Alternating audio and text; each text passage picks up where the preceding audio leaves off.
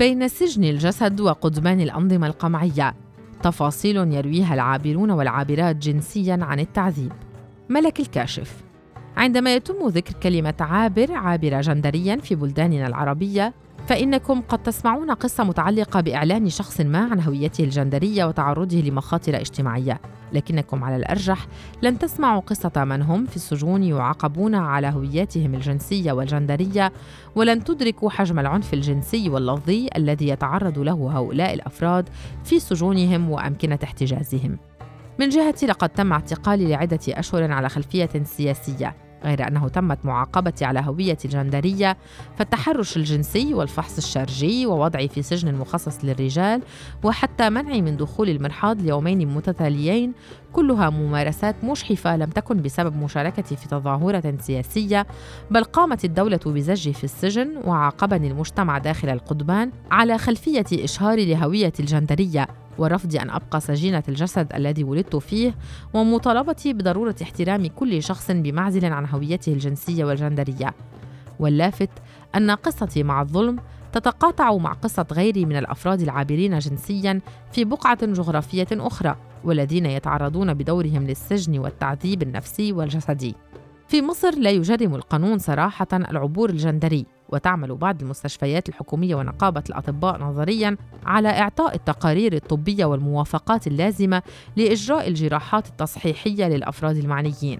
ولكن على صعيد آخر تستند الجهات الرسمية على بعض المواد القانونية للتضييق وتبرير عمليات إلقاء القبض على أفراد مجتمع الميم عين كالمواد الخاصة بمكافحة الدعارة في القانون 10 لعام 1961 التي تتحايل عليها السلطات لقمع الأفراد. في الواقع تعتقل السلطات المصرية بشكل تعسفي المثليين والمثليات جنسيا والعابرون والعابرات من الأماكن العامة أو عن طريق التطبيقات الإلكترونية. في عام 2017 نشرت المبادرة المصرية للحقوق الشخصية تقريرا بعنوان المصيدة بحيث تم رصد إحصائيا نسب اعتقالات أفراد مجتمع الميم عين بتهم متعلقة بممارسة الدعارة أو التحريض عليها. وخلال ثلاث سنوات ونصف وصل العدد إلى 232 شخص ما بين رجال مثليين ونساء عابرات. انتقدت فيه المبادرة تعامل النيابة والطب الشرعي وأوضاع المعتقلين داخل مقرات احتجازهم. روت مرام 20 عاما تجربتها بعدما تعرضت للاعتقال على خلفية عبورها الجنسي في العام 2018 فقالت لرصيف 22 توجهت مع صديقة لي وهي عابرة جنسيا إلى أحد المقاهي العامة فاخترنا بقعة هادئة ولاحظنا وجود فتاة تنظر نحونا بطريقة مريبة. وبعد دقائق دخل المقهى ضابط ومعه مخبرين فتشوا هواتفنا ثم قاموا باصطحابنا إلى القسم ونحن في حالة من الصدمة والذهول لأننا ببساطة لم نرتكب أي شيء يستدعي القبض علينا. وأضافت منعونا من التواصل مع أسرنا لإبلاغهم عن مكان تواجدنا كما وقعوا باسمنا على محضر لم نقرأه. وفي النيابة العامة تم اتهامنا بأننا نستقطب رجال لإقامة علاقات جنسية ونحرض على الفجور. وبعد انتهاء التحقيق قال لنا وكيل النيابة بصريح العبارة ده أنتوا حتشوفوا أيام سودة معانا وأكملت مرام حديثها بالقول عند عودتنا إلى قسم الشرطة أقدم أحد الضباط على التحرش بصديقتي وعندما صدته صفعها عدة مرات على وجهها قائلا هو أنا حلمسك أنت يا شاذ يا مخنت؟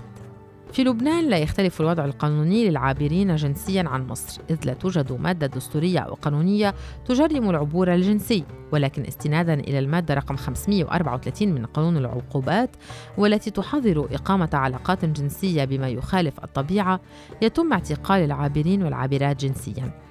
في هذا الصدد كشفت الفنانة اللبنانية ساشا اليجاء 24 عاما عن تفاصيل اعتقالها.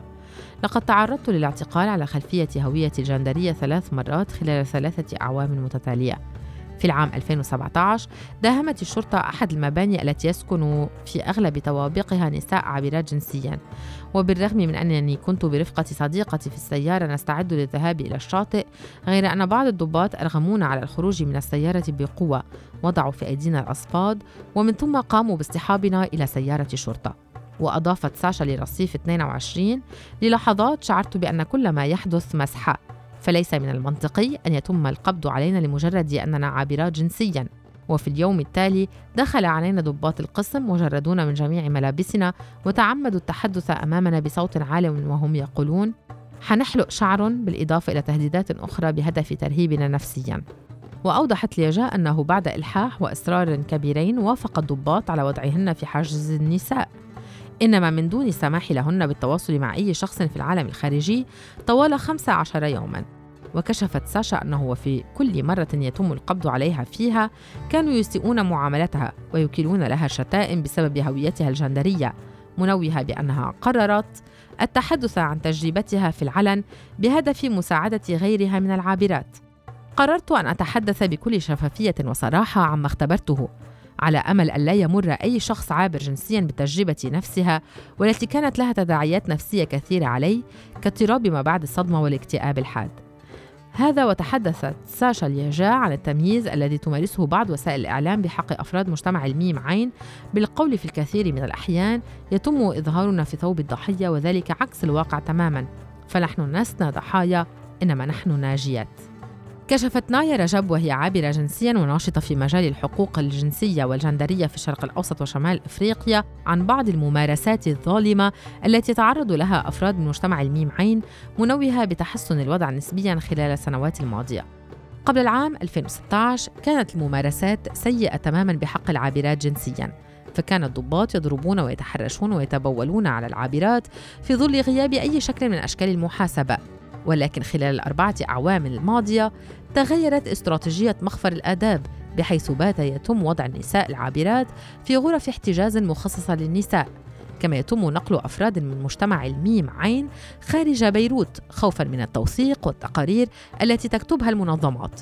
وأوضحت رجب أن الوضع تحسن نوعا ما بسبب نضالات نشطاء وناشطات وأفراد مجتمع الميم عين غير أن هذا التحسن لا ينسحب على جميع المناطق اللبنانية وفق قولها. لقد تحسن الوضع نسبيا في بيروت إلا أن المحافظات الأخرى ما زال الوضع فيها كارثيا. فمثلا في محافظة طرابلس يستمر إخضاع مجتمع أفراد مجتمع الميم عين للفحوص الشرجية التي تم منعها من قبل نقابة الأطباء.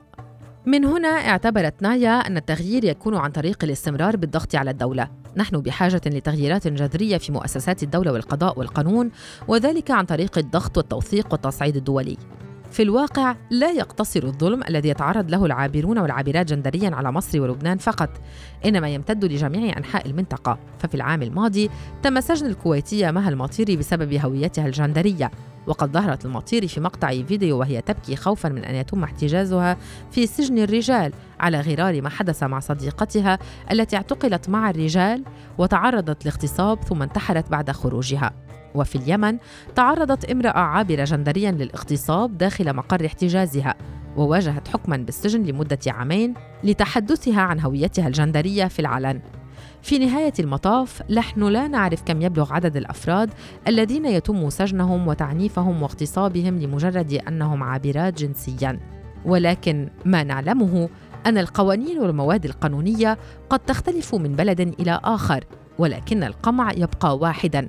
ممارسات ظالمة وغير إنسانية بحق أفراد مجتمع الميم عين في مختلف دول الشرق الأوسط وشمال إفريقيا وهو القمع الذي يجبرنا يوميا على خوض صراعات لا نهاية لها مع الدولة والمجتمع على أمل أن تصبح تجاربنا مع السجون المتقاطعة من الماضي وأن تكون اعتقالاتنا حافزا للمطالبة دوما بحق الإنسان في عيش حياته بالطريقة التي يريدها وبحسب الهوية الجندرية التي تناسبه.